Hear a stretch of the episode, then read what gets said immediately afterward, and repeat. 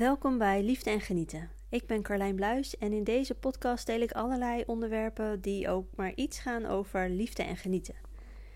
En in de vorige podcast had ik het over mijn ayahuasca-retraite die half september plaatsvond. En heb ik verteld over de eerste ceremonie. Ik had een intensieve retraite waarbij we twee ceremonies deden. En de vorige podcast ging over de eerste ceremonie die ik had. En deze aflevering, aflevering nummer 22, wil ik daarop verder gaan en wil ik je vertellen over de tweede ceremonie die ik uh, tijdens hetzelfde retraite had. Hadden de eerste ceremonie hadden we op uh, woensdagavond, woensdagmiddag rond 5 uur. En de tweede ceremonie hadden we op uh, donderdagavond, ook weer om, om 5 uur. En hoewel beide ceremonies en beide ayahuasca-reizen heel erg mooi op elkaar aansluiten, sloten moet ik zeggen, waren ze toch heel erg verschillend. Mijn, mijn eerste ceremonie tijdens die retraite was heel erg fysiek. Heel veel fysieke impact mogen loslaten, heel veel fysieke spanning mogen loslaten. Wat heel erg bijzonder was en heel erg mooi was. En de eerste ayahuasca-retreat, of eerste ayahuasca-ceremonie heb ik ook heel veel bewogen. Ik heb gestaan en gezeten en naast mijn matje gelegen, voor mijn matje gelegen, de ene kant op, de andere kant op. Ik ging alle kanten op. En het grappige was dat ik uh, de volgende ochtend had ik het uh, met Ina, de dame die deze ceremonies uh, geeft, had ik het erover. Ze zegt: Ja, je was heel veel aan het bewegen. Ik zeg: Ja, ik had het in de gaten. En ze had het er ook over dat bewegen vaak een manier is om een beetje weg te gaan bij wat er gevoeld mag worden.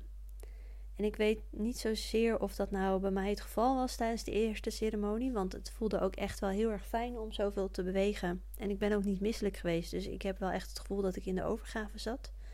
Maar het was me natuurlijk wel opgevallen dat de andere dames allemaal ja, veel stiller op hun matje lagen en veel minder aan het bewegen waren. Dus zei ik ook van ja, maar wat kan ik dan doen? Want uh, ik vind het fijn uh, als ik voel dat ik moet bewegen, dan mag ik prima bewegen. Maar als het inderdaad een afleiding is van wat er te voelen valt, dan ben ik heel erg benieuwd hoe, ik daar doorheen kan gaan. Zonder dat ik uh, ja, weer over mijn hele matje en daarnaast aan het rollen ben. En wat zij toen zei is van het hoeft alleen maar gevoeld te worden. Dus je hoeft niet mee te gaan in de beweging, het hoeft alleen maar gevoeld te worden. En op dat moment had ik zoiets van oké, ja, ik weet nog niet helemaal hoe je dat bedoelt, maar goed, ik ga het proberen. En met die gedachte ben ik mijn, uh, mijn tweede ceremonie ingegaan. En de intentie van de tweede ceremonie was eigenlijk hetzelfde als de eerste. Dat was namelijk dat ik meer verbinding wil voelen met andere mensen. Ik had het gevoel dat de verbinding die ik voel, dat dat tot een soort plafond was gekomen, zeg maar. Maar er zit ook een bepaald weten achter dat er nog meer verbinding kan zijn. Dat de verbinding nog mooier kan zijn, nog dieper kan gaan. En dat was dus mijn intentie, meer verbinding. Met name, of in de eerste plaats met Guido. Voor deze tweede ceremonie had ik hem iets aangepast. Had ik gezegd van ik wil meer verbindingen ervaren met mensen. In de eerste plaats met Guido, maar ook met anderen. En met onbekenden, met vreemde mensen, mensen die ik niet ken. Want ik had eerder um, tijdens deze retraite hadden we nog um, ja, een ander iets gedaan met kaartjes trekken. En toen kwam ik tot het inzicht dat ik uh, mensen die ik niet ken, dus onbekende of vreemde mensen, dat ik niet, die niet vertrouw. Dat ik die niet zomaar in mijn huis wil halen. En het grappige is dat ik een praktijk heb aan huis. en ik heb um, de klanten die ik ken, of de klanten die ik heb, die ken ik 9 van de 10 keer ken ik die. En als ik ze niet ken, dan komen ze meestal via via. Maar ik heb dus weinig onbekende mensen die uh, bij mij klant worden. En dat is natuurlijk heel erg bijzonder en heel erg passend bij mijn angst voor vreemde mensen. En ik moest, toen dat gebeurde, dit gaat dus niet over de ceremonie, maar wat daarvoor gebeurde en wat ik straks mee kan nemen in de, wat ik mee kon nemen in de ceremonie. Waar ik aan moest denken is dat ik een keer aangerand ben in de trein. Er was een meneer en die zat constant aan mijn uh, billen. En die trein zat chockvol, dus we stonden in dat ja, hoe zeg je dat? Dat tussenstuk achter de deur. Ik weet niet meer hoe dat heet. En elke keer schoof ik weer op en elke keer wist hij zich zo te manoeuvreren dat hij weer bij me stond en dat hij toch weer aan mijn billen kon zitten. Dus ik was ontzettend blij toen ik uh, uit kon stappen. Maar wat gebeurde er? Die man die stapte ook uit. En op dat moment grijpt hij ook vol in mijn kruis. En ik merkte dat ik ontzettend bevroor op dat moment. Ik kon niet om hulp roepen, ik kon niet naar hem schreeuwen, ik kon niet op hem schelden, ik kon helemaal niks. En het was op het traject van uh, mijn werk naar huis, of andersom, van huis naar werk. Dat weet ik niet meer. Maar ik weet nog dat ik wel uh, best wel een aantal weken heel alert ben geweest of ik die man niet nog een keer tegen zou komen. En dat is dus een voorbeeld, en er zullen vast nog wel meer voorbeelden zijn. Maar dat is één gedachte die in me opkwam toen ik voelde van hé ja, ik ben heel erg alert en heel erg achterdochtig en eigenlijk ook best wel, nou niet bang, maar nou, vooral achterdochtig als het gaat om onbekenden, mensen die ik niet ken. En ik zou die niet zomaar in mijn huis laten. Wat natuurlijk heel erg onhandig is als je een praktijk aan huis hebt. Um, en als je ook mensen wil uh, helpen die je nog niet persoonlijk kent. Um, dus dat gebeurde er voor uh, de ceremonie. Dat inzicht kreeg ik voor de ceremonie. En deze podcast gaat dus vooral over de tweede ceremonie, waarin ik um, me dus afvroeg van, ja, maar hoe kan ik deze nou ook doorstaan zonder al te veel te bewegen, zonder weer all over the place te zijn. En waarbij dus mijn intentie was van meer ver verbinding voelen met allereerste plaats Guido, uh, andere mensen, dus mensen die ik wel ken en onbekenden. En dus met uh, het motto eigenlijk in mijn hoofd: het hoeft alleen maar gevoeld te worden. En uh, nou, je neemt dan weer twee van die slokjes thee. En je gaat dan op je matje liggen en na een tijdje gaat het werken. En het eerste wat er gebeurde is dat ik een bepaalde druk voelde weer op mijn lichaam. En vooral op mijn knieën en op mijn eh, voeten en mijn onderbenen. En ook dit keer kreeg ik weer een soort van trucje. Ik had daarvoor, vlak voor de ceremonie, ook een kaartje getrokken. En een van de kaartjes ging over wees raar. En het andere kaartje, daar stond iets op van zachtheid. Althans, ik had herinnerd dat er zachtheid op, op stond. Het was uiteindelijk een iets ander woord, maar dat doet er niet toe. Mijn herinnering was zachtheid. En het trucje wat ik aangeleerd kreeg was um, weer ademen in de lemniscaat. Dus in mijn lichaam eerst um, de lemniscaat naar boven en dan de lemniscaat naar beneden. Zodat ik wat ik voel, dat dat door mijn hele lichaam heen kan gaan. En dat ik het niet vastzit. Dit heb ik ook uh, verder uitgelegd in de eerste podcast. Want toen in de eerste ceremonie had ik ook zoiets. Maar deze was net iets anders. Want ik kon zien hoe die lemniscaat, hoe ik die gewoon een paar keer mocht doen. De lemniscaat begint dan met een inademing. En dan gaat hij omhoog en op de uitademing gaat hij naar beneden. En ik mocht voor me zien hoe die lemniscaat elke keer, ja, als het ware wat dieper inge alsof de groef van de lemniscaat elke keer wat dieper werd, zodat het makkelijker werd om hem te volgen. Zodat het pad ja, makkelijker werd om, om dat te volgen, zeg maar. En vervolgens zag ik um, bloemetjes in, in de stroom van die lemniscaat um, ver, hoe zeg je dat, verschijnen. En die stonden voor zachtheid. Dus um, ik had die lemniscaat, die dus steeds dieper werd, zodat die steeds makkelijker gevoeld kon worden. En ik had die zachtheid erin. En daarmee had ik de gedachte: het hoeft alleen maar gevoeld te worden. Het hoeft alleen maar gevoeld te worden. En elke keer als ik inademde, dan begon die lemniscaat weer opnieuw. En uh, die inademing die bleek later tijdens de ceremonie steeds belangrijker te worden. Want hij, hij bleek achteraf, dat had ik op dat moment nog niet heel erg in de gaten. Maar die inademing was ook voor mij een manier om te zeggen ja. Ja, Laat mij maar voelen wat ik mag voelen. Ja, laat mij maar zien wat ik mag zien. Ja, ik zeg hier ja tegen. Wat er ook gaat komen, ik zeg hier ja tegen. Dus nadat ik dat geoefend had en ik dat trucje in de gaten had, uh, voelde ik die druk in mijn knieën en in mijn onderbenen voelde ik steeds meer toenemen. En tegelijkertijd, op, of tenminste ergens in het begin van de ceremonie, voelde ik de druk toenemen en voelde ik ook ergens boven mijn hoofd, of zag ik ergens boven mijn hoofd, ja, een soort van brei van oranje en zwart. En het was heel beangstigend en overweldigend. En het was heel erg intens om, om dat op je af te zien komen. En toen mocht ik ook weer inademen, wat natuurlijk dan betekent ja. En het hoeft alleen maar gevoeld te worden. En toen kwam zo die hele. Het leek wel een vuurspuwende draak of zoiets. Heel erg. Ik weet niet. Het was, uh, was intens om dat te ervaren. Maar ik zei er ja tegen. En zo kon dat meer over mijn lichaam heen gaan. En uiteindelijk ging dat ook weer weg. En volgens mij had ik nog zoiets uh, wat, er, wat er zo dreigend aankwam, waar ik dan ja tegen mocht zeggen. En toen die twee dingen geweest waren, toen voelde ik um, niet alleen de druk toenemen op mijn lichaam, dus alsof er heel hard op je lichaam gedrukt wordt, niet op een prettige manier. En toen ging de druk ging ook over in pijn. Ik kreeg pijn in uh, met name mijn uh, linkerknie. En ik had natuurlijk in mijn hoofd van hé, hey, als ik ga bewegen, dan ga ik afleiden van de pijn. Dus ik heb wel een keertje uh, geprobeerd van hé, hey, wat gebeurt er als ik beweeg? Maar dat maakte niet zoveel uit, want zodra ik dan weer anders lag, dan voelde ik dat dat niet de juiste positie was. En dan moest ik toch weer in ja, een soort van feutushouding um, liggen. En nam die, nam die druk weer toe in mijn onderbenen, en, maar vooral die pijn. En op een gegeven moment werd het een hele scherpe pijn. Dat was echt niet normaal. En elke keer als ik ademhaalde, dan zei ik dus weer, eigenlijk weer ja. Van goh, laat ook maar zien en voelen wat hierna komt. Oh, en die pijn werd steeds erger en erger en scherper en scherper. En wat ik tijdens de vorige podcast ook al had gezegd. Um, je kunt blijven liggen en je kunt die pijn accepteren, omdat je tijdens de ayahuasca ben je niet helemaal oud. Je bent ook met je bewuste deel van je brein ben je er nog steeds bij. Dus je weet, ik lig hier op een matje, ik ben veilig, er is goede, goede begeleiding.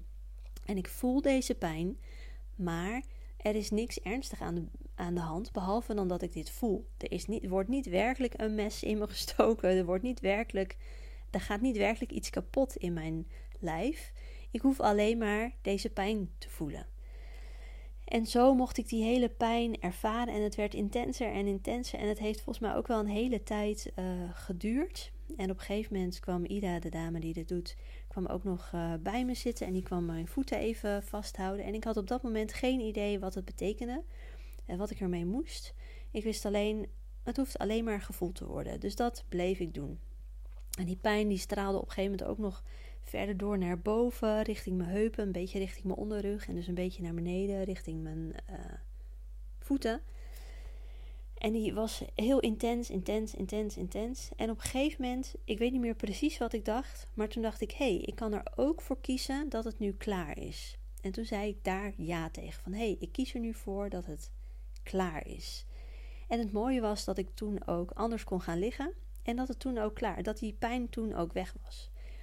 En in plaats van uh, pijnlijke sensaties, dus echt ja, fysieke pijnlijke sensaties, kwamen er toen um, ja, gedachten of eigenlijk angsten naar boven, um, weerstanden naar boven. Uh, waar ik vervolgens ook ja tegen mocht zeggen. en dat ging eigenlijk over dingen die zouden kunnen gebeuren in mijn leven. Zo voelde ik bijvoorbeeld van, uh, oh ja, ik zou natuurlijk met dit lichaam, met wat er gevoeld mag worden, zou ik ook ziek kunnen worden, ernstig ziek kunnen worden. Dus wat als dat in mijn leven gebeurt, kan ik daar dan ja tegen zeggen? Ja, het hoort bij het leven, dus ik kan daar ook ja tegen zeggen. Maar wacht even, wat nou als Guido ziek wordt? Kan ik daar dan ja tegen zeggen? Ja, ook dat hoort bij het leven, ook daar kan ik ja tegen zeggen. Hé, maar wat nou als Guido doodgaat? Ja, ook dat hoort bij het leven, ook daar kan ik ja tegen zeggen. Ik kan dat aan, want het hoeft alleen maar gevoeld te worden. En het mooie is met ayahuasca, als je dat soort uh, gedachten krijgt of beelden krijgt, het is geen toekomstvoorspelling van oh dit gaat gebeuren, uh, bereid je hier maar op voor. Maar het gaat erom dat jij gaat voelen wat er gevoeld mag worden. En dat doet ze op een manier, uh, de plantmedicijn doet dat op een manier dat waardoor er bij jou iets geraakt wordt, waardoor jij mag voelen wat zij vindt dat nodig is dat gevoeld mag worden. En die gedachten die werden alleen maar erger en heftiger. En ik mocht overal ja tegen zeggen. En ik kon ook overal ja tegen zeggen. En op een gegeven moment was het zelfs zo van: ja, maar wat nou? Ook durf het bijna niet uit te spreken. Wat nou als Robin doodgaat in het leven? Maar ook daar kon ik ja tegen zeggen. Ook dat is een mogelijkheid in het leven. En ook dat zo'n ervaring hoeft alleen maar gevoeld te worden. En het klinkt natuurlijk nu heel simpel en heel eenvoudig en heel van oh, als dat gebeurt, het hoeft alleen maar gevoeld te worden. Maar het gaat erom Ehm, en daar kwam ik vooral na de ceremonie achter toen ik hem helemaal beleefd uh, had. Het gaat er vooral om dat je, voor mij dan dat ik ja zeg tegen het leven en alle mogelijkheden die het leven biedt. Want nadat ik dus al die uh, scenario's voorbij hoorde eh, komen van oh als ik ziek word of Guido ziek wordt of als Guido doodgaat of als Robin doodgaat, toen hoorde ik ook van ja maar wacht even, wat nou als ik 115 word? Wat nou als wij samen heel oud worden? En toen kon ik dus ook allemaal mooie dingen uh, voorbij. Of ja, hoorde ik ook allemaal mooie scenario's voorbij komen. Want dat is ook allemaal mogelijk. Wat nou als wij allebei 115 worden op een hele fijne, prettige manier? Daar zeg ik ook ja tegen. Dus de andere kant van de medaille kan ook gebeuren. En toen kwam er een, kwamen er hele fijne gevoelens. En ook daar mocht ik ja tegen zeggen. En het grappige was dat ik tegen die fijne gevoelens misschien nog wel iets meer weerstand voelde dan tegen die uh, minder fijne gevoelens. Dus dat ik het makkelijker vond om ja te zeggen tegen van oh wie weet word ik in dit leven wel ziek. Dan uh, tegen van oh wacht even, misschien kan ik wel ja zeggen tegen alle liefde die Guido te geven heeft. En dat was een hele belangrijke voor mij. Uh, ik voelde op een gegeven moment ook dat Guido bij me kwam, uh, kwam liggen. Hij heeft daar zelf helemaal niks uh, van gemerkt. Maar ik voelde hoe hij tegen me aankwam liggen. En hoe hij zijn liefde aan mij wilde geven.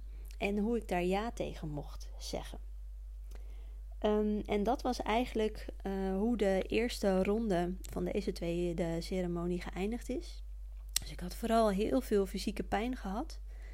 Uh, die gelukkig op een gegeven moment klaar was. En toen was het dus overgegaan in um, ja, eigenlijk scenario's die er niet zo heel erg rooskleurig uitzagen, maar waar ik wel tegen ja tegen mocht zeggen. En uh, die alleen maar gevoeld hoefden te worden. En uiteindelijk ging dat dus over in allerlei mooie scenario's waar ik ja tegen mocht zeggen. En dat eindigde dus met de liefde die ik van Guido mag ontvangen. Want ik weet dat hij heel veel liefde in zich heeft.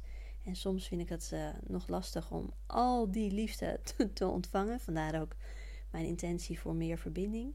Dus eigenlijk eindigde ik de eerste ronde in een, ja, in een beginnende extase van, nou ja, de liefde die ik al had gevoeld tijdens de eerste ronde. En toen was het uh, tijd voor de tweede ronde. Iedereen wordt dan weer een beetje alerter. Iedereen wordt weer een beetje wakker. Iedereen gaat ook vaak eventjes plassen of eventjes naar buiten, eventjes bijkomen. En dan neem je in de loop van de tijd neem je een tweede slokje van de ayahuasca thee. En dat duurt dan weer eventjes voordat dat ingewerkt is. En dan ga je weer liggen en dan ga je vervolgens het tweede deel in, die vaak wat uh, dieper gaat en wat intenser is. En die tweede ronde, die uh, begon weer met een bepaalde druk, een niet prettige druk op mijn lichaam. Maar deze keer niet op mijn bovenlichaam, oh, deze keer niet op mijn onderlichaam, maar op mijn bovenlichaam. En heel erg in mijn hoofd en in mijn schouders. En ik mocht weer, het hoeft alleen maar gevoeld te worden. En met elke inademing weer ja er tegen zeggen. En dan werd die druk elke keer weer erger en erger en erger. En ik weet nog dat ik op een gegeven moment dacht van... Oh mijn god, als dit straks zo erg wordt als net bij mijn knieën... dan barst straks mijn hoofd uit elkaar. Maar zover is het niet uh, gekomen. Ik had het gevoel dat het uh, veel korter was. Dat die druk opgebouwd werd in mijn hoofd. Ik heb ook wat beelden voorbij uh, zien komen. Ik ben niet zo heel erg beeldend. Ik ben meer van het, van het weten wat er, wat er aan de hand is. Uh, maar ik zag iets van beelden. Ja, ik kan ook niet uitleggen precies wat ik gezien heb. Maar een soort van donker gat of zo. Of een, nou ja, een bepaalde diepte. Waar ik vervolgens in mocht duiken. En dus ook ja tegen zeggen. En dat was, ja, dat gebeurde allemaal rondom die druk uh, in mijn hoofd en mijn, en mijn schouders. Maar dat was dus veel korter dan tijdens de eerste ronde. En dat ging al vrij snel over in weer ja zeggen. Ja zeggen tegen allerlei verschillende situaties. En er zijn heel veel situaties voorbij gekomen. Misschien wel honderd als het niet meer uh, was. En het grappige is dat, dat ik uh, niet heel veel meer situaties echt kan benoemen. Omdat ik het niet meer helemaal kan herinneren. Maar wat ik wel weet, is dat ik op een gegeven moment. Oh nee, dat moet ik eerst nog zeggen. Um, pardon. Per situatie die er was, mocht ik ja zeggen tegen: Oh, deze situatie is er en hij kan fout gaan. En ja, deze situatie is er en het kan fantastisch worden. Dus ik mocht elke keer als er een nieuwe situatie was, mocht ik twee keer ja zeggen. Ja, het kan de verkeerde kant op gaan en ja, het kan de goede kant op gaan. Ja, het kan vervelend worden, ja, het kan hartstikke mooi worden. En terwijl ik dat ehm, deed, voelde ik ook een bepaalde sensatie. En toen wist ik nog niet precies wat het was. Maar het voelde als een soort spelde prikjes, maar dan op een fijne manier. Een soort tintelingen, maar dan op een fijne manier. Die elke keer als ik ja zei tegen een bepaalde situatie, tegen het negatieve en het positieve, dat die intenser werd. Dus alsof ik meer, uh, meer letterlijk meer kon voelen en meer, ja, meer in dat gevoel kon duiken en meer van kon genieten. En um, op een gegeven moment uh, waren er wat situaties uh, voorbij gekomen. Had ik ja gezegd tegen het goede en het, en het minder uh, goede. En op een gegeven moment mocht ik um, mijn boekje erbij pakken. Ik heb altijd zo'n notitieboekje naast me liggen. En toen merkte ik dat ik mijn huis, een, een huis moest tekenen. Ik heb, een van mijn verlangens is dat wij ooit een keer gaan verhuizen naar een groter huis. Waarin we meer ruimte hebben. Um, waarin we allemaal een plekje voor onszelf hebben. We hebben nu namelijk één slaapkamer en de andere ruimte is uh, mijn praktijkruimte. En um, we hebben ook, ja, het voelt allemaal een beetje krapjes. We hebben een heel fijn huis, maar het voelt allemaal een beetje krapjes. En ik zou heel graag een huis hebben met meer ruimte. Ruimte waardoor het overzichtelijker wordt, waardoor het lichter wordt, uh, waardoor we ons allemaal terug kunnen trekken dus allemaal plekjes voor onszelf. Dus een plekje voor mij, een plekje voor Robin, een plekje voor uh, Guido. En zelfs een plekje voor de was. Want die, uh, nou, op dit moment dat ik deze podcast opneem, is het niet heel erg lekker weer. En uh, staat er dus een wasrek in de woonkamer. Allemaal plekjes waardoor er meer ruimte ontstaat. En ook plekken waarbij we samen kunnen zijn. En ik mocht dus een huis tekenen. En ik weet niet of je nog weet hoe, hoe dat vroeger ging als je voor het eerst je huis gaat, een huisje gaat tekenen, dan ziet dat eruit als een vierkantje met daarbovenop een driehoek en dat is dan het dak. En zo teken je dan een huis. Dus zo begon ik ook mijn tekening van het huis. En uh, daarna mocht ik zeg maar uh, ja, 3D maken. Dus dan trek je hem door naar, naar achteren en dan ziet je huis er al wat groter uit. En toen mocht ik ook een uitbouw aantekenen. En ik mocht er een schoorsteen op tekenen. En ik mocht een of andere cirkel eromheen zetten van de grootte van het perceel waar dat huis dan uh, zou staan. En ik zag meteen al voor me dat dat huis heel ruimtelijk was en heel licht was. En uh, veel meer details heb ik niet gezien. Maar daar mocht ik dus mee beginnen. En het grappige was dat ik dus vervolgens allerlei situaties kreeg, allerlei ja, situaties, denk ik het beste woord, met dingen die ik kon beleven in het huis. En een van de eerste dingen die ik merkte die we daar konden beleven, was dat er genoeg ruimte was om een klein salsa feestje te geven. Voor gewoon vrienden en bekenden. Wij houden heel erg van Cubaanse salsa. Guido en ik hebben elkaar ook leren kennen via de Cubaanse salsa les.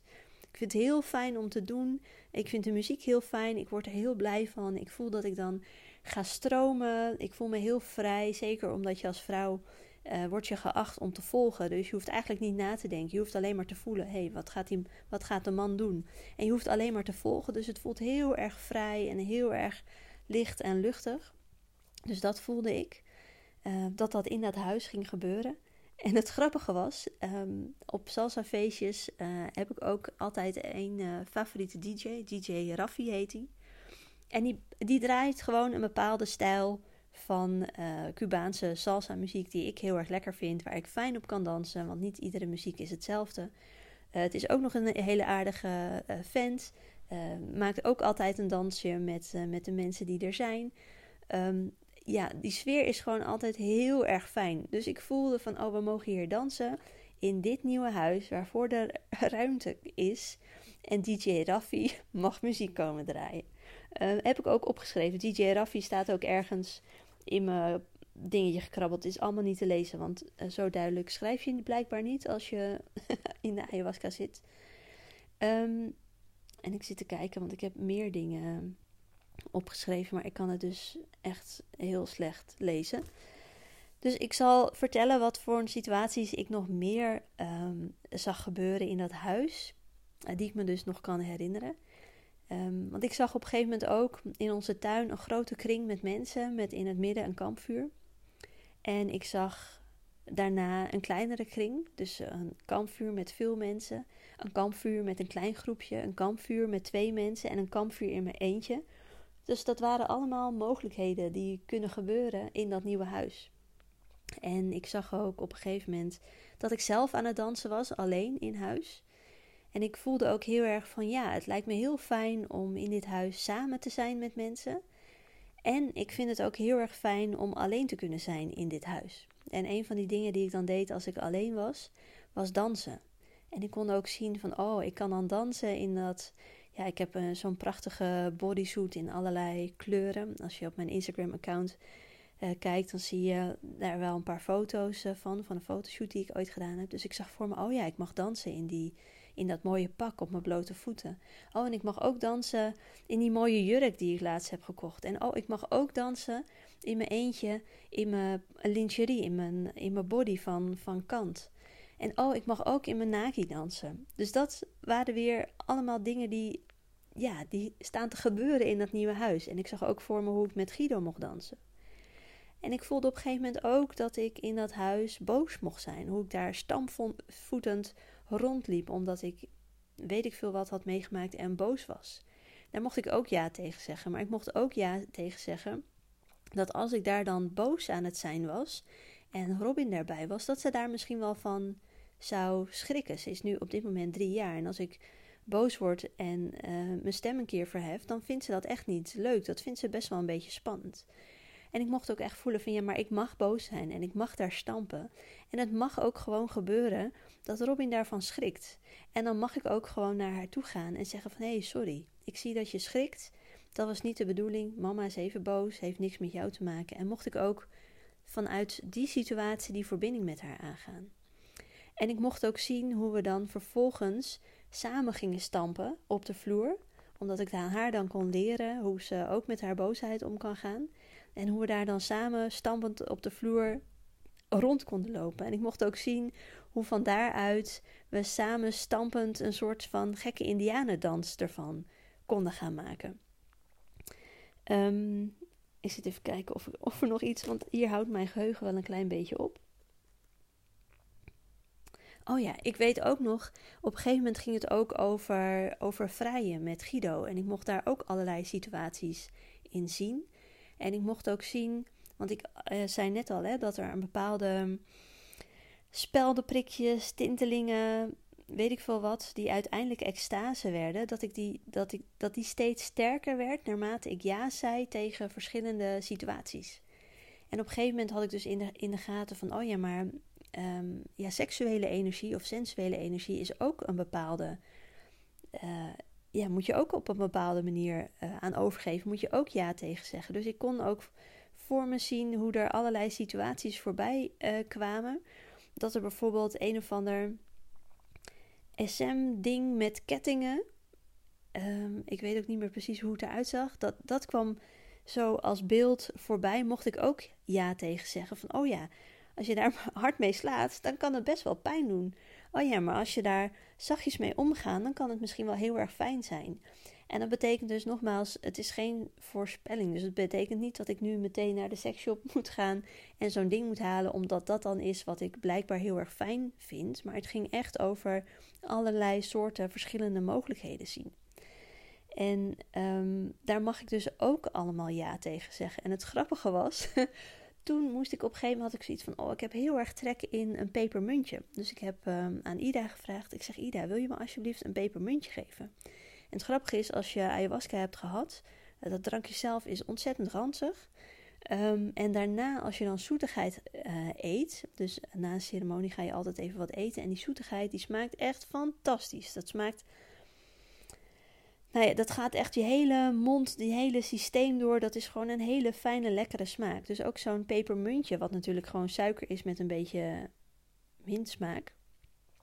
Dat is na de ayahuasca is dat heel lekker. En dit was natuurlijk nog tijdens de ceremonie. Dus ik deed dat pepermuntje in mijn mond. En ik voelde die heerlijke zoete smaak. En het grappige was, ik was die hele ceremonie was ik uh, eigenlijk niet, uh, niet misselijk geweest.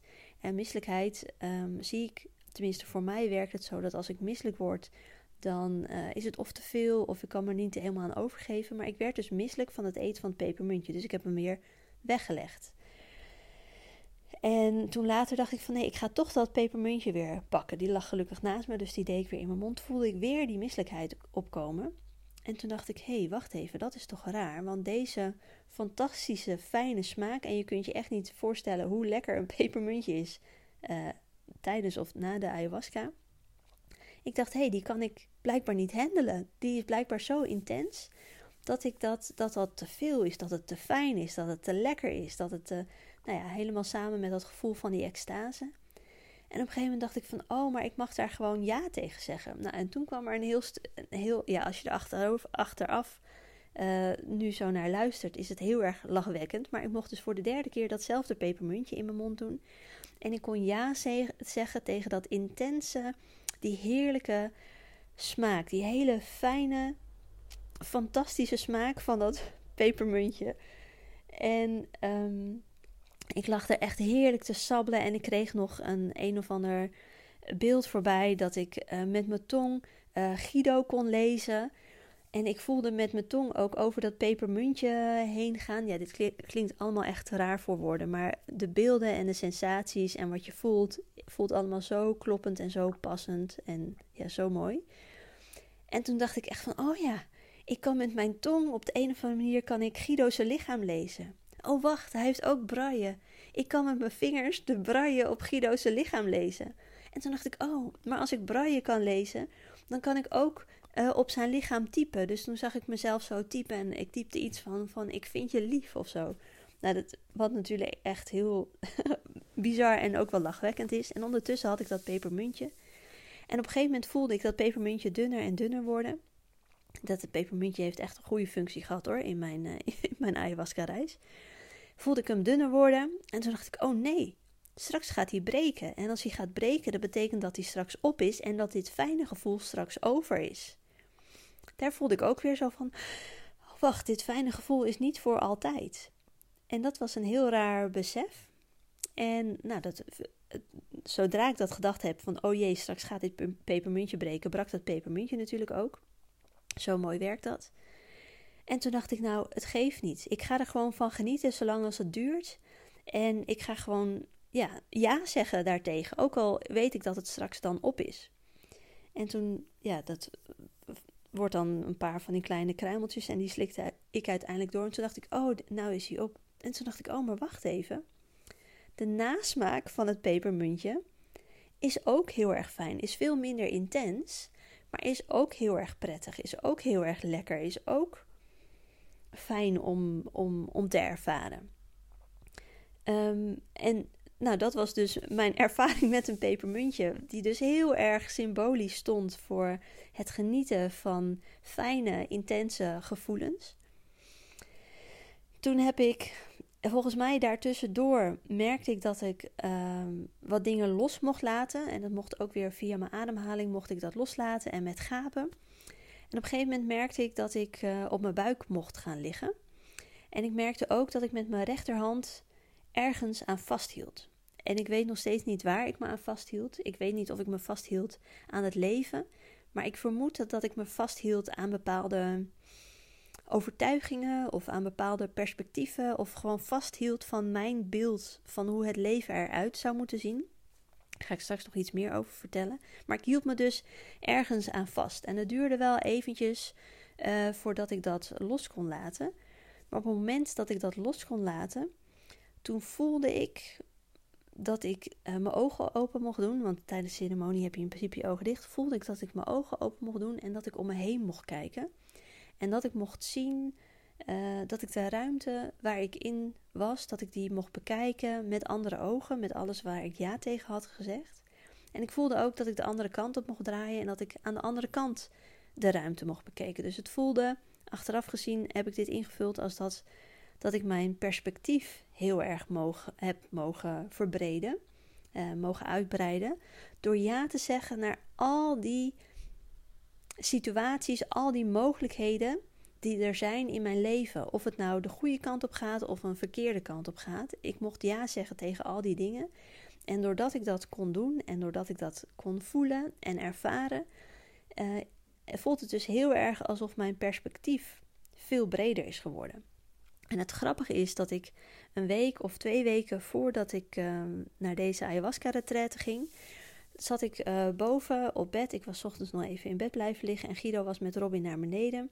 En ik hoorde al dat uh, Robin een, beetje begon uh, te jengelen.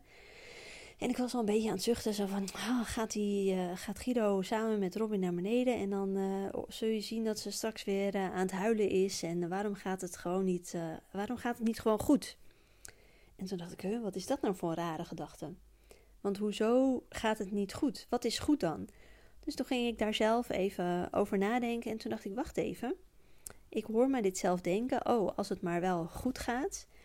Maar wat betekent goed voor mij? En toen kon ik zien dat in mijn hoofd dat het alleen maar goed gaat als het of gaat zoals ik het zou doen, of gaat zoals ik het bedacht had.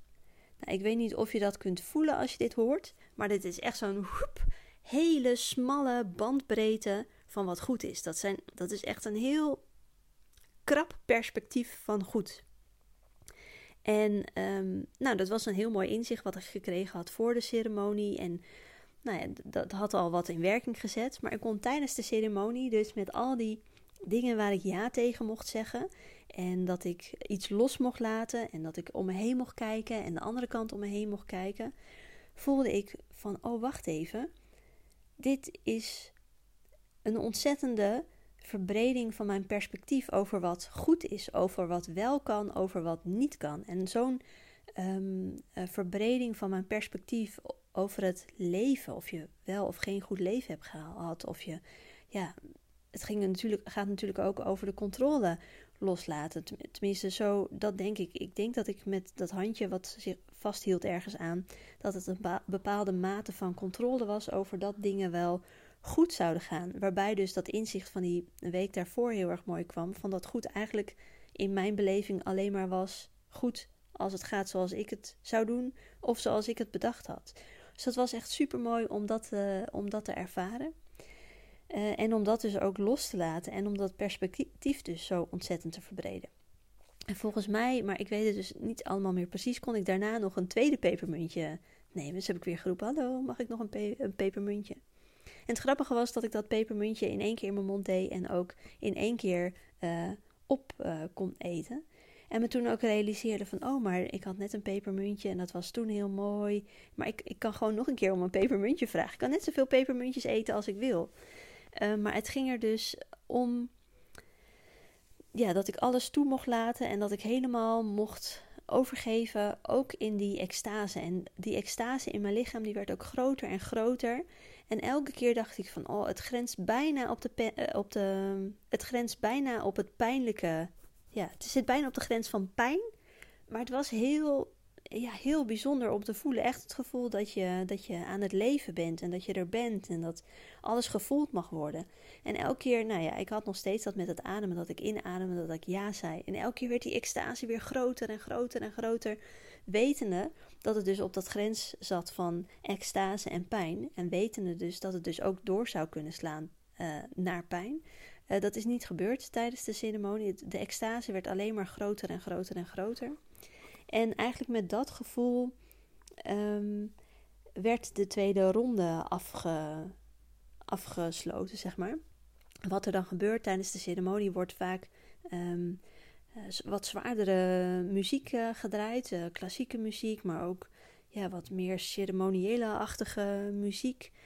Um, en er wordt het, ja, het zijn geen top 40 uh, nummers, zeg maar. Het is meer wat alterna alternatievere muziek. En dan bedoel ik niet hardpunk of wat dan ook, maar ja, spirituele achtermuziek. Ik weet niet precies hoe ik het uit moet leggen. Um, en als de ceremonie dan tot een einde komt, dan wordt de muziek steeds lichter en steeds um, luchtiger.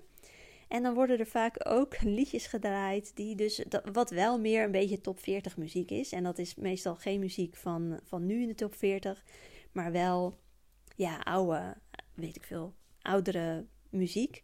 Uh, die je waarschijnlijk ook gewoon wel kent. En zo werd onder andere het liedje gedraaid van Elvis Presley. Uh, I can't help but falling in love with you. En dat was dus het moment dat ik heel, al helemaal in die extase zat. En ik voelde, ik mag dit meezingen. Maar het is niet falling in love with you, maar het is falling in love with me. En dat nummer leek heel lang te duren. Ik weet niet hoe lang het nummer normaal gesproken duurt. Ik denk maar een minuutje of drie of zo. Maar het leek heel lang te duren. En elke keer mocht ik weer meezingen. I can't help but falling in love with me. With me. En dat zorgde er zo mooi voor dat ik een enorme stroom van zelfliefde voelde. Echt, ja, ik, heb ook, ik kan het ook niet verder uitleggen. Er zat verder ook geen gedachte aan. Ik voelde gewoon heel veel liefde voor mezelf. Dus dat kreeg ik nog als cadeautje erbij. Um, vlak daarna werd ook het liedje gezongen van Celine Dion, All By Myself. En de, tekst gaat een beetje van uh, When I was young, uh, when I was young, I never needed anyone. Uh, making love was just for fun, all by myself. En um, ik was vroeger heel erg fan van Celine Dion. En dit was ook in mijn puberteit een nummer wat ik heel vaak draaide op mijn Discman toen.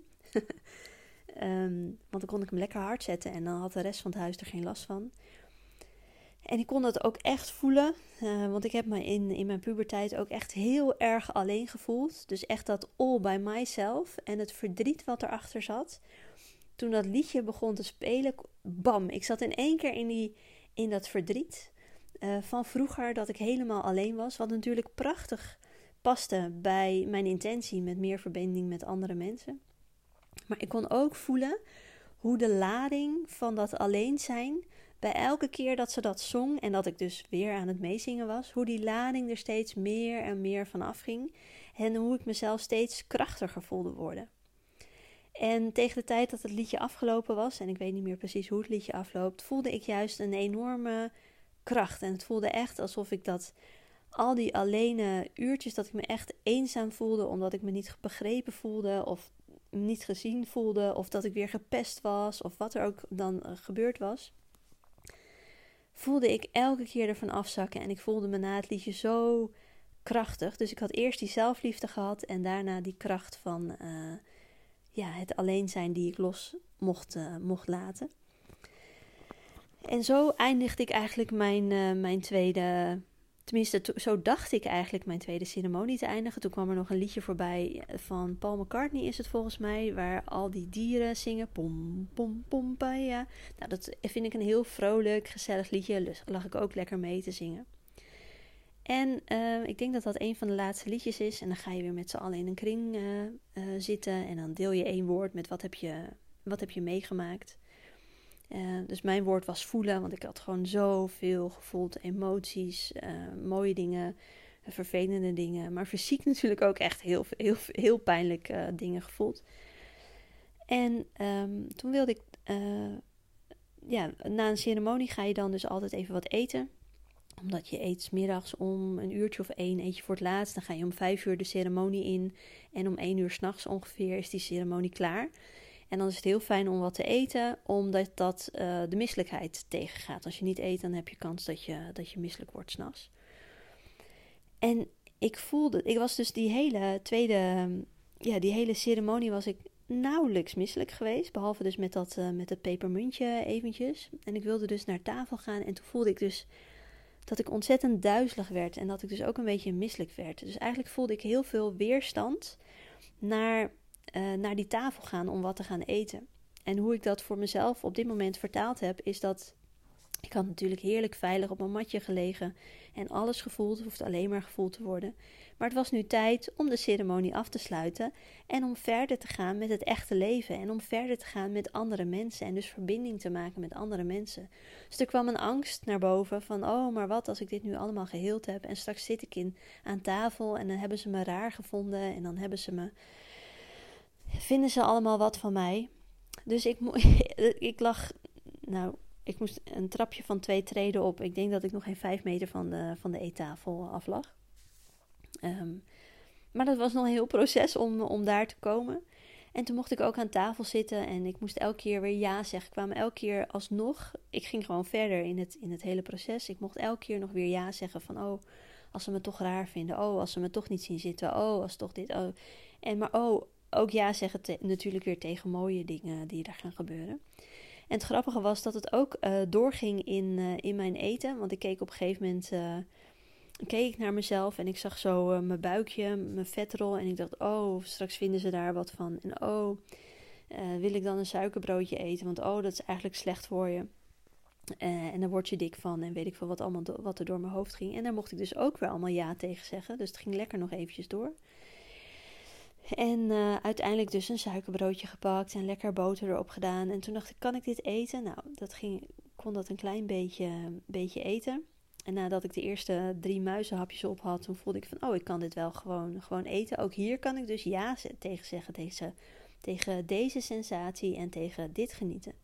En op een gegeven moment had ik zoiets, had ik de helft van mijn broodje op en toen voelde ik van, oeh, dit is wel genoeg geweest. En toen kreeg ik ook een heel mooi inzicht van, oh, ik kan hier dus ja tegen zeggen, totdat mijn lichaam nee zegt. En dat vond ik heel erg mooi. En dat, dat proces herhaalde zich nog een keertje met een stukje chocola. Um, was ook erg grappig om dat zo te ervaren. En op een gegeven moment uh, was het voor mij tijd uh, om naar bed te gaan. En ik moest ook nog even plassen. Maar ik was dus nog steeds. Ik was eigenlijk wiebeliger uh, na de ceremonie dan tijdens. Omdat ik dus echt merkte van oh, maar nu is de ceremonie voorbij en nu gaat het echte leven beginnen. En het grappige was dat ik dus, nou, een van de dames die daarbij begeleidt, die helpt je dan naar de wc, zodat je niet omvalt en dat het allemaal veilig gaat. En je laat ook de deur van de wc open, zodat als je te lang erop blijft zitten, dan komen ze even checken of het wel goed gaat. En um, toen liep ik weer terug en toen liep ik langs mijn boekje en toen moest ik, voelde ik ook echt dat ik op mocht schrijven.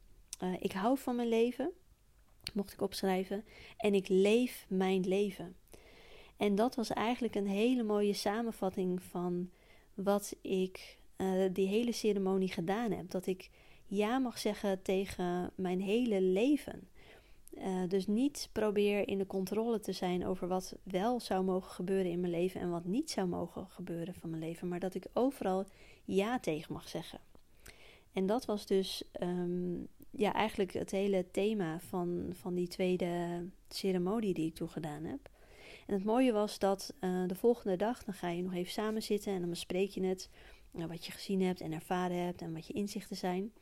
En, uh, en Ida die vertelt dan ook haar inzichten die zij gezien heeft, omdat zij, zij heeft heel veel ceremonies gedaan en zij weet ook wat bepaalde dingen kunnen betekenen. En ze vertelde ook van ja, het voelde dat stuk met je, met je knieën en de pijn die daar, daarbij zat, dat voelt heel erg alsof je in de eerste fase van je zwangerschap zat. Dus dat de fase dat ik bij mijn moeder in de buik zat. En toen zei ze ook van, was je toen, uh, heeft je moeder toen veel stress gehad? En ik weet dat mijn moeder um, is vijf keer zwanger geweest. Ze heeft twee miskramen gehad. Uh, daarna is mijn oudere broer geboren en daarna ben ik geboren. En ik heb eerder tijdens spiegelsessies en hypnosesessies heb ik al uh, naar voren zien komen, voelen komen dat ik al een keer eerder bij mijn moeder in de buik gezeten heb. Uh, en dat ik dus geëindigd ben als een, als een miskraam. Dat klinkt ook lekker lullig. Maar goed, ik heb dus al eerder bij mijn moeder in mijn buik gezeten. En toen ben ik daar niet blijven zitten. En dat is, die zwangerschap is uiteindelijk een miskraam geworden. En de, tegen de tijd dus dat ik weer terugkwam in de buik, was dat de tweede, misschien wel al de derde keer. En ik heb ook een keer gevoeld en ervaren dat um, ik het heel lastig uh, vind, vond om in dit leven aanwezig te zijn. En um, ik weet niet precies waarom. Ja, als je de podcast van uh, de vorige podcast hebt gehoord op de manieren dat ik allemaal in vorige levens verminkt en overleden ben, dan kan je je misschien iets erbij voorstellen. Maar ik weet niet of dat het hele verhaal is. Uh, want er zijn waarschijnlijk ook nog wel andere levens tussendoor uh, geweest. Maar er is een reden dat ik het heel moeilijk vond om geboren te gaan worden en om weer te kiezen voor dit leven. En um, ik weet zelfs ook, uh, heb ik ook een keer tijdens een hypnose um, mogen, mogen zien, mogen ervaren, dat toen ik um, voor het eerst bij mijn moeder in de buik kwam, dat we eigenlijk met z'n tweeën waren. Dus dan heb je zo'n. Uh, en ik ben geen tweeling, maar dan heb je dus een ongeboren tweeling. En ik heb ook ooit een keer mogen voelen dat die ander met mij mee was om mij te steunen en om mij te helpen. En om deze keer wel in de buik van mijn moeder te blijven en om om dus te gaan leven.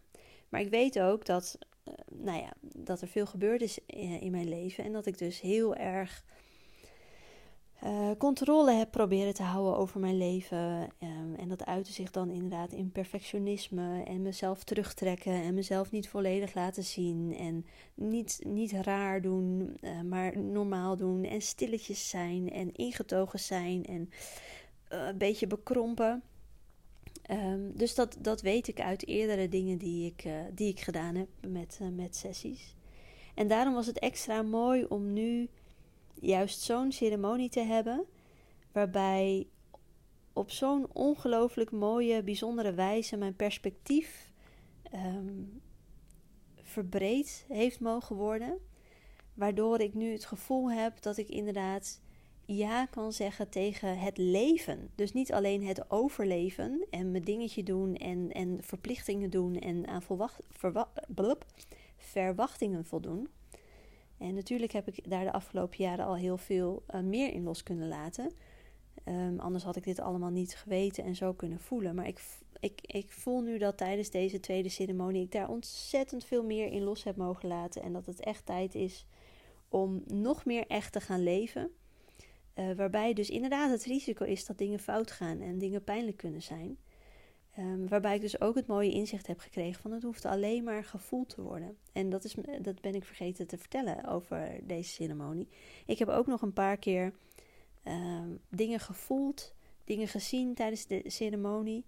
En dan ging de gedachte door mijn hoofd: oh, het hoeft alleen maar gevoeld te, uh, te worden. En dan dacht ik erachteraan: maar is dat wel genoeg? En dan kon ik echt heel duidelijk horen: ja, het is genoeg om het alleen maar te voelen. Ik ben genoeg als ik het alleen maar voel. Maar ik moet wel voelen en ik moet wel leven. En het voelt heel erg alsof dat stuk um, opengebroken is en dat ik daar nu dus mee aan de slag uh, mag. En het grappige is dus dat op het moment wat ik net vertelde, dat de ceremonie um, afgelopen was. En ik dus een eerste stapje weer terug in het echte leven zette. En me omringde uh, met de andere dames die er waren. Dat dus, dat dus heel spannend voelde. En het mooie was dus dat het trucje met die lemniscaat ademhaling en die zachtheid. En het hoeft alleen maar gevoeld te worden. Dat me dat ook weer heel erg helpt om in mijn lijf te zakken. En om te voelen van hé, hey, maar wat voel ik nou eigenlijk? Um, en, dat en, en ja te zeggen en dat het helemaal oké is. En um, de volgende ochtend uh, werd ik wakker. En toen voelde ik ook weer dat ik heel erg hoog zat. Dat ik heel erg hoog in mijn ademhaling zat. En dat ik echt niet in mijn lijf uh, kon zakken. En toen dacht ik, nog van, hé, hey, wat, wat is hier nou aan de hand? En toen realiseerde ik me ook van, oh ja, maar ik heb nou het eerste kleine stapje gehad terug in het echte leven met deze vrouwen. Maar goed, dat zijn geen vrouwen die ik dagelijks uh, zie. In november zie ik ze weer voor de volgende ceremonie. maar ik mag nu echt terug naar echt mijn eigen leven. Naar mijn leven met mijn man en mijn kind en mijn vrienden en de kennissen en alle onbekende mensen. Dus toen mocht ik ook weer gaan voelen van, oh ja, ik vind dat spannend en dat is helemaal oké en het hoeft alleen maar gevoeld te worden. En dat was dus eigenlijk, uh, of dat is eigenlijk hoe ik er nu in zit, uh, dat ik me daar veel bewuster van nu word. Uh, ik heb ook gemerkt dat als ik um, ja, ga friemelen, en dat kan zijn dat ik bijvoorbeeld mijn tenen tegen, aan, tegen elkaar aanwrijf, of dat ik toch de neiging heb om aan een ingegroeid haartje te krabbelen, of aan een pukkeltje te krabbelen, of wat dan ook doe met, me, met mijn lichaam of met een pen loop te verdiebelen, um, heb ik ook gemerkt dat dat dus een afleiding is. En dat ik dan dus eigenlijk heel erg hoog in mijn ademhaling zit. Dat ik het lastig vind om in mijn bekken te komen, om echt te voelen. En dat ik dus dan weer gebruik kan maken van die ademhaling. Van oh ja, ik, ik mag hier ja tegen zeggen en het hoeft alleen maar gevoeld te worden. Dus het is voor mij een heel mooi stuk uh, bewustzijn om nog meer te gaan voelen nog meer dan ik al deed, uh, nog meer dan ik al kon. En om echt nog meer uh, van de intensiteit en alle facetten van het leven te mogen gaan genieten. Dus ik ben heel erg benieuwd hoe dat de komende weken, maanden zich gaat ontwikkelen. Um, ja, mocht ik daar nog een keer over wat te delen hebben, dan zal ik dat zeker in een post doen of in een, in een podcast. Um, maar ik weet ook dat het uh, heel geleidelijk kan gaan en wat minder duidelijk. Uh, en dat ik pas over een paar maanden bijvoorbeeld denk van, oh ja, ik zie nu dat ik, uh, dat ik daarin heel anders ben gaan denken of gaan voelen of gaan doen. Maar dat is wat ik, wat ik mee heb gekregen. En dat is dus ook eigenlijk het einde van de ceremonie zelf, van de retraite zelf. maar zeker dus niet het einde van mijn leven. Want dat, nou ja, als ik ja, denk aan wat ik gezien heb en wat ik gevoeld heb, ook met al die dingen die ik heb mogen beleven in dat huis, in ons nieuwe huis, die er dus aan zit te komen. En dat, ik weet niet, het kan best nog wel jaren duren hoor, dat, ik heb geen idee.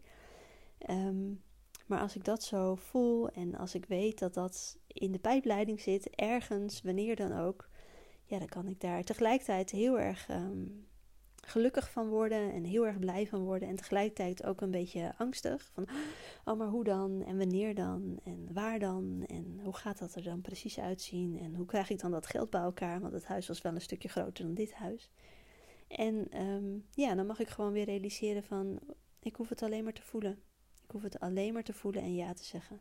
Dus dat is wat ik de komende periode ga doen. Nou, het was denk ik wel weer een lange, uh, deze.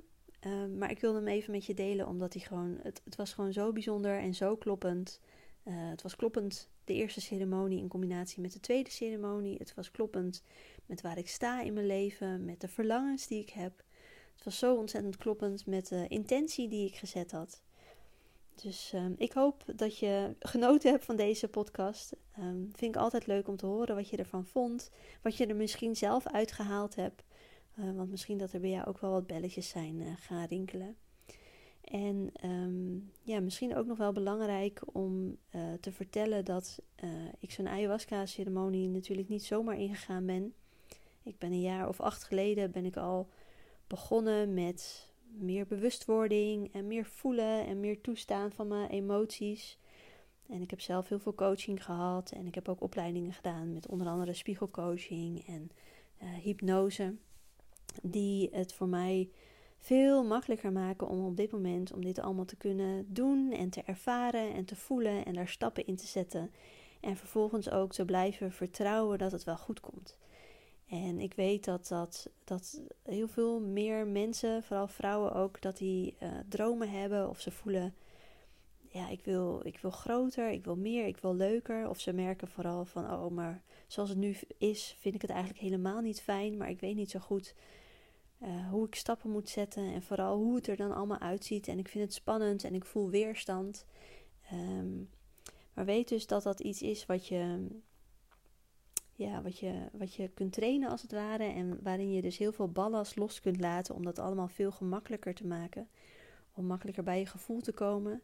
Om makkelijker überhaupt te weten wat je wel en niet wil. Om makkelijker ballast los te laten en bijvoorbeeld um, overtuigingen over jezelf maar ook dingen die je mee hebt gekregen over hoe het hoort. En hoe het niet zou moeten en hoe jouw leven door anderen bepaald wordt. Hoe, hoe het eruit zou moeten zijn, omdat je dus aan bepaalde verwachtingen moet doen. En um, ja, weet dus dat het heel erg fijn is om daarin dingen los te laten. Ik weet dat je altijd de keuze hebt om, om ondanks een bepaalde angst, uh, toch ja te zeggen om toch dingen te doen. Maar ik weet ook ondertussen dat er soms gewoon systemisch of energetisch dat er dingen vastzitten in jou die geheeld mogen worden, zodat er ruimte komt en lucht komt, waardoor het dus makkelijker wordt om die stappen daadwerkelijk te gaan zetten. Om je minder druk te maken om het hoe dan, om je minder druk te maken over hoe gaat het er dan precies uitzien. En mocht je dus het gevoel hebben van, oh ja, maar ik wil ook meer ja, vrijheid. Ik wil gewoon meer uit mijn leven, meer genieten. Uh, meer echt aanwezig zijn in mijn leven. Meer mezelf zijn. Meer mijn eigen leven leven. Meer zelf het middelpunt van mijn leven zijn. In plaats van al die andere mensen om me heen. En als je zoiets hebt van dat uh, lijkt me wel wat. Trek dan eens bij mij aan de bel. Want um, ik heb een, een heel mooi traject die je, die je daarin verder kan helpen. Uh, waarin je dus um, ja, heel veel ballast los gaat laten. Uh, die je dus veel, waardoor je veel makkelijker verder komt in, in je leven, naar jouw droomleven. Misschien heb je ook wel zo'n wens van zo'n huis waar je salsa kunt dansen, misschien totaal iets anders.